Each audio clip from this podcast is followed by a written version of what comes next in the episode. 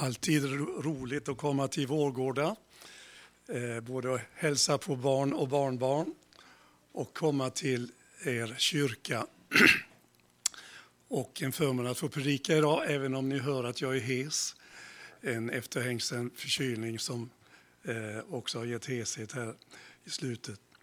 Men jag ska försöka att eh, dela Guds ord med er här. Och jag ska läsa evangelietexten för idag. Ni följer ju kyrkåret här nu i sommar. Och eh, den är hämtad från Lukas, det nionde kapitlet, vers 46 till och med 48. Ni kanske får upp den här till och med. Eh, och temat är ju som sagt nådens gåvor idag. Så här står det. Det började undra vem som var den störste av dem. Jesus som visste vad de tänkte i sina hjärtan tog ett barn och ställde det bredvid sig och sa till dem Den som tar emot detta barn i mitt namn, han tar emot mig. Och den som tar emot mig, han tar emot honom som har sänt mig. Ty den som är minst av er alla, han är stor. Amen. Om jag skulle säga att i Vårgårda, där kan man inte bo. Därför att där är inga trevliga människor. Då skulle ni säga det var det dummaste jag har hört. Och jag håller ju med förstås. Men faktum är att en del skulle också kunna reagera på samma sätt över de ord som Jesus säger i den här texten. Det var det dummaste jag har hört. För det vet väl alla att störst är den som är starkast, som är bäst, som är rikast och som är mest framgångsrik och lyckad. Och här säger Jesus, den som är minst av er alla, han är stor. Visst är det konstigt? Men det här är ett av många exempel på hur Jesus vänder upp och ner på vårt tänkande. Han som var störst valde ju själv att bli liten. Och han säger ju också att den som är störst är den som tjänar, inte den som har makt. Och han sa ju också, eller Paulus skriver ju också att när jag är svag, då är jag stark. Ja, i Guds rike är det mesta annorlunda.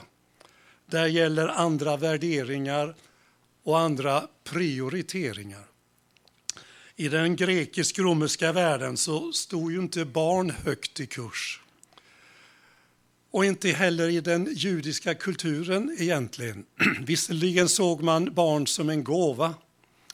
Och en eh, kvinna som fick många barn ansågs ju väldigt välsignad medan den som inte fick några barn ansågs förbannad. Men värdet hos barnet låg främst inte i vad det var utan i vad det skulle bli. Det skulle fostras till en riktig människa. Och med den bakgrunden så måste det varit chockerande för de eh, rangsjuka lärjungarna att Jesus ställer fram ett litet bräckligt, svagt barn som en förebild för dem och alla vuxna. Ni behöver bli som dem, sa Jesus. I Putins Ryssland så får den som visar sig svag stryk. Men Jesus lyfter upp barnen och välsignar dem och visar att de svaga och bräckliga är viktiga och värdefulla i Guds ögon. En människas värde ligger inte i hennes kompetens utan i hennes existens. Men även vi tror jag kan ha lite svårt för att ta in det Jesus säger och förstå och inse vad det verkligen innebär. För vi fostras ju också till att vara duktiga och starka och prestera mer och leverera mer. Eller hur? Och vi vill gärna vara bäst, för då känner vi oss mer värdefulla, att vi duger. Och vi jämför oss ju gärna med andra och kan ibland bli avundsjuka, precis som lärjungarna här var. Så hur ska vi tolka Jesu ord? Ja, jag tror inte att Jesu ord handlar om att förminska sig själv. Nej. Utan det handlar snarare om att våga lyfta andra människor och få andra att växa och glädjas över det. Jesu ord till lärjungarna handlar ju om en generös, ödmjuk inställning, livshållning och livssyn. Men hur hör detta ihop då med dagens tema, nådens gåvor? Nåd är ju ett litet men ändå väldigt stort ord. Det är ett av det som vi kallar stororden i Bibeln. Det finns ju en del sådana ord som på ett särskilt sätt är stora i den kristna tron och som på något sätt hela den kristna tron bärs utav. Och nåd är ju ett sådant stort eh, ord, ett nyckelord skulle jag säga. Därför att det är nåden som gör kristendomen unik i religionens värld, i vår värld. Och eh, nåd betyder ju att någonting är gratis. En gåva som vi får ta emot utan krav på eh, betalning. Alltså tvärt emot att prestera. Man kan inte göra sig förtjänt av nåden. Lika lite som man kan göra sig förtjänt av smaken på jordgubbar eller på att få se en solnedgång över havet eller att man får uppleva doften av rosor eller att man blir förälskad i en annan människa eller får barn och barnbarn. Allt det där är ju en gåva som vi inte kan ta oss. Och att bli medveten om att det mesta och bästa i livet är faktiskt nåd. Det hör liksom till det mest grundläggande i livet. Nog skulle det behövas en renässans, tror jag, i vårt land när det gäller ordet nåd, där vi så många gånger tar så mycket för givet. Så att vi återigen upptäcker det som psalmisten skriver i psalm 103. Hans nåd är så hög som himmelen är över jorden. Temat är alltså nådens gåvor. Och jag, det, det, är alltid bra att påminna oss om eh, Guds nåd. Och jag tänkte jag ska påminna oss om tre av de nådens gåvor som Gud har sträckt ut till oss alla och som vi får ta emot som ett barn som eh, öppnar sig och eh, utan att det krävs någon motprestation. Eh, och det första har jag redan varit inne på. Den första gåvan är livets gåva. Det var ju inte på grund av egna meriter vi föddes in i den här världen, eller hur? Utan vi tog emot livet allesammans som en gåva. Och tänker vi efter så är det bästa och allra viktigaste i våra liv det är ju sånt som vi inte kan förtjäna eller som vi kan köpa oss själva. Hälsa, krafter, kärlek, vänner, barn, naturens skönhet och allt sådant fint. Vem av oss kan berömma oss över detta?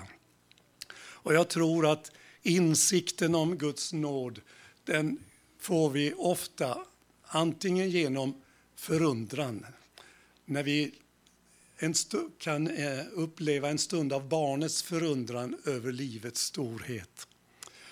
Eh, vi har alla fötts som sagt in i denna Guds värld och utan nåd så skulle vi inte finnas till, någon av oss, inte kunna röra oss, inte kunna ta ett danssteg eller ett andetag, eh, inte ta en ton och inte sparka på en boll. Allt hade varit omöjligt utan Guds nåd. Och livet är ju ett lån från första till sista andetag. Det allra eh, enda vi med säkerhet vet är ju det andetag vi just nu var och en tar. Nästa vet vi inget om. Och under några år så får du och jag trampa på denna jord, vandra under samma himmel, andas samma luft och njuta av Guds vackra skapelse. Och det kommer stunder både för dig och mig då vi på något sätt upplever förundran över livets storhet och mysterium. Men en annan väg som vi ofta också eh, inser Guds nåd, det är när vi gör förluster i livet. Som vi gör ibland. Ofta är det först då vi inser hur skör väggen är mellan guldstol och rullstol, eh, hälsa och sjukdom och liv och död, som vi kanske framförallt upptäcker Guds nåd. För då blir vi människor, vuxna människor som barn nämligen. Då blir vi svaga, då blir vi små, beroende och då blir vi öppna och mottagliga. Och då kan vi känna, precis som, som psalmisten uttrycker det i psalm 36, hur dyrbar är inte din nåd, o oh Gud. Livet är en nådens gåva. Eh, ibland kan det ta tid att inse detta och att komma fram till det här. lärjungarna var ju inte där ännu. De var fortfarande upptagna av vem som var starkast och vem som var bäst av dem. Den andra gåvan jag vill lyfta fram, den känner ni väl till också, det är förlåtelsens gåva. Vi människor vi kan inte leva tillsammans med andra utan att vi emellanåt gör varandra illa eller sårar varandra, i stort och i smått. I synnerhet de som står oss nära. Men vi kan ändå gå vidare. Inte för att vi har glömt det som har hänt eller att vi kan, eller sagts, eller det som har sagts eller gjorts eh, kan bli ogjort. Men vi kan gå vidare på grund utav att vi kan förlåta varandra. Förlåtelse är att ge livet en chans till. Att tro på att vi inte måste vara fast i det förflutna. Och att det går att komma loss i det, från det som har varit. I konfliktfyllda relationer till exempel. I bästa fall kan vi komma vidare med våra relationer i behåll. Eh, I en av Ernest Hemingways noveller så berättas historien om en ung man som hette Paco. Det var ett mycket vanligt namn eh, i Spanien, i alla fall på den tiden, pojknamn. Och familjen de var bönder, levde på landet. Eh, men efter ett bråk med pappan så rymde Paco och han tog sig ända till Madrid.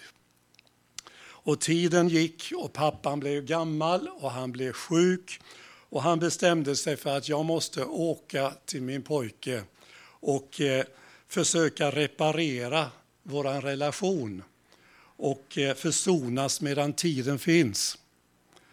Så han gör det. Han tar sig till Madrid och han tar in på ett hotell. Och han skriver, sätter in en annons i tidningen där han skriver så här. Paco, kom till Stadshotellet nästa tisdag klockan 12. Allt är förlåtet, pappa. Nästa tisdag samlas ett hundratal ångerfyllda unga män utanför hotellet. alla med namnet Paco.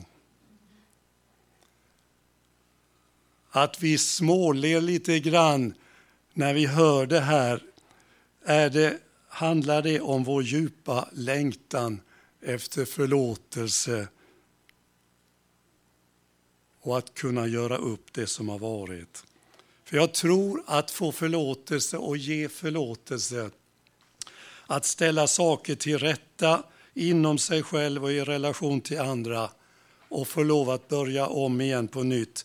Det är en djup längtan hos alla och ett djupt behov hos både vuxna och barn.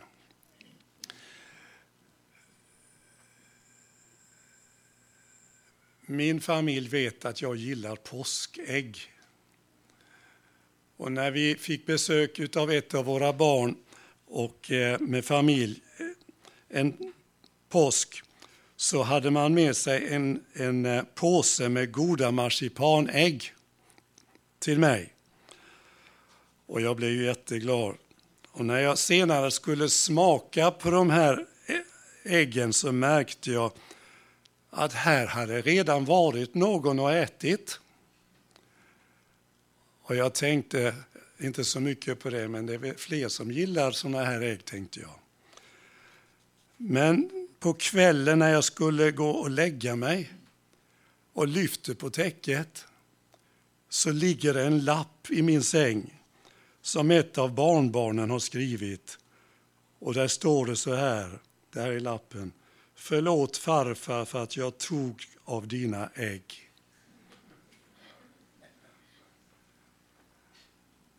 Det var inte svårt att förlåta det. Det förstår ni väl? Men ibland är det fruktansvärt svårt att förlåta och be om förlåtelse. Vi kan känna vrede, vi kan känna besvikelse, vi kan känna bitterhet till och med och vi kan känna hämndbegär. Men då behöver vi bli som barnet, säger Jesus. Och vi behöver lära av Jesus som bad för sina bödlar och som sa Fader förlåt dem för de vet inte vad de gör. Allt för att visa oss Guds stora gränslösa kärlek och nåd.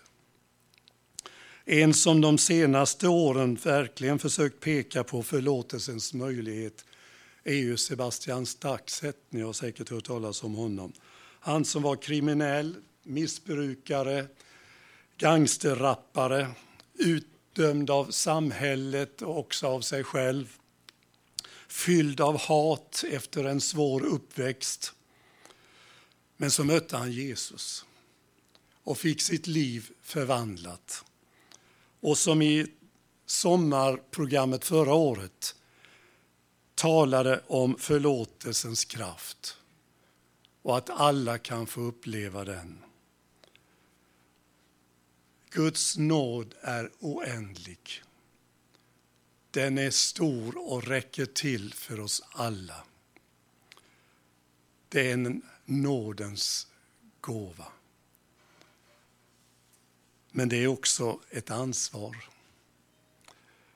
För som kristna har vi ett uppdrag och en kallelse att göra denna Guds nåd tydlig och verklig för människor, och synlig. Och därför har vi också fått kallelsens gåva, allihopa. Och inte heller vårt uppdrag att tjäna Gud bygger främst på våra egna meriter och vår egen kompetens, utan den bygger på Guds nåd och att vi själva har erfarit Guds nåd. Även här behöver vi bli som barnen. Broder Andrew som startade organisationen Open Doors, han har sagt så här. Gud kallar inte dem som är kvalificerade utan han kvalificerar dem som är kallade. Det tycker jag är vist sagt. Och läser man Bibeln så märker man att detta är genomgående genom hela frälsningshistorien. När Gud kallade Israel till sitt folk så gjorde han ju inte det för att det var ett bättre folk eller större folk. Nej, det står i femte Mosebok, det var inte för att ni var större än alla andra folk som Herren fäste sig vid er och utvalde er. Det var därför att Herren älskar er. Samma sak när han kallar Mose att leda Israels folk ut ur Egypten. Då kallar han en som är 80 år och som inte har gåvan att tala. Hur klokt var det? Och när Gud ska, när en ny kung ska smörjas i Israel då väljer han inte de största och äldsta och starkaste av Isais alla söner. Utan han väljer den yngste, David, som ingen räknade med, som var ute på ängarna som fåraherde. Han skulle få kallelsen att stå upp mot jätten Goliat. Ja, ni hör, Gud mäter inte som vi. Och när Jesus ska kalla lärjungar, vem kallar han då? Ja, han går inte till eliten, utan han kallar enkla, han väljer enkla fiskepojkar. Och Bibeln är full av sådana exempel med hur Gud använder enkla, svaga människor. Och även Paulus, han var ju förvånad över att Gud kunde och ville använda en sån som honom. Och han kallar en sån som honom. Och han skriver ju att han är förundrad över att han fann mig värd förtroende och tog mig i sin tjänst. Och jag får säga att jag känner ju samma sak. Jag kan fortfarande inte fatta att Gud kunde kalla mig. Det är helt tydligt att Gud föredrar att placera sina skatter i bräckliga lerkärl, precis som barnen. Det som är svagt i världen, det utvalde Gud, skriver Paulus, för att låta det starka stå där med skam.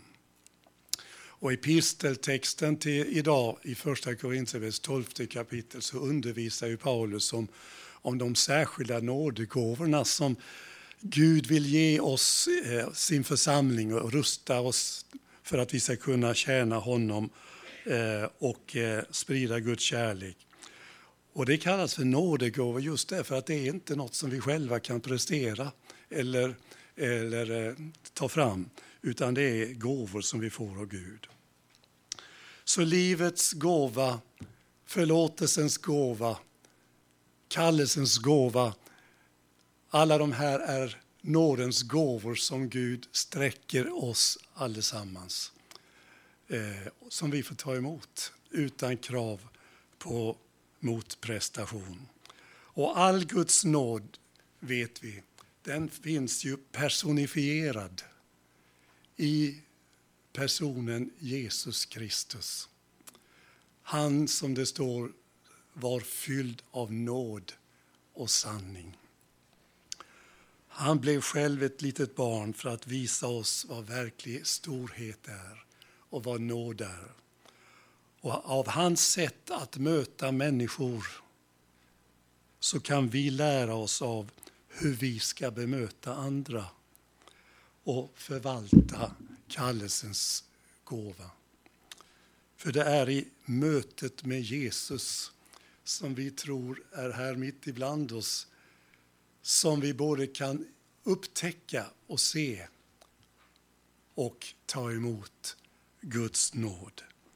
Av hans fullhet har vi alla fått del, med nåd och åter nåd. Vi ber tillsammans. Herre, vi tackar dig för att din nåd är så gränslös och så stor. Vi kan inte fatta den, men vi kan ta emot den. Hjälp oss, Herre, att ännu mycket mer förundras och inse hur stort det är att få leva, att få leva och ta emot din förlåtelse och också att vi av nåd kan förtjäna dig. Tack att våra liv ytterst vilar i och omsluts av din stora nåd och omsorg. Ingen av oss undantagen. Alla är vi älskade och värdefulla av dig.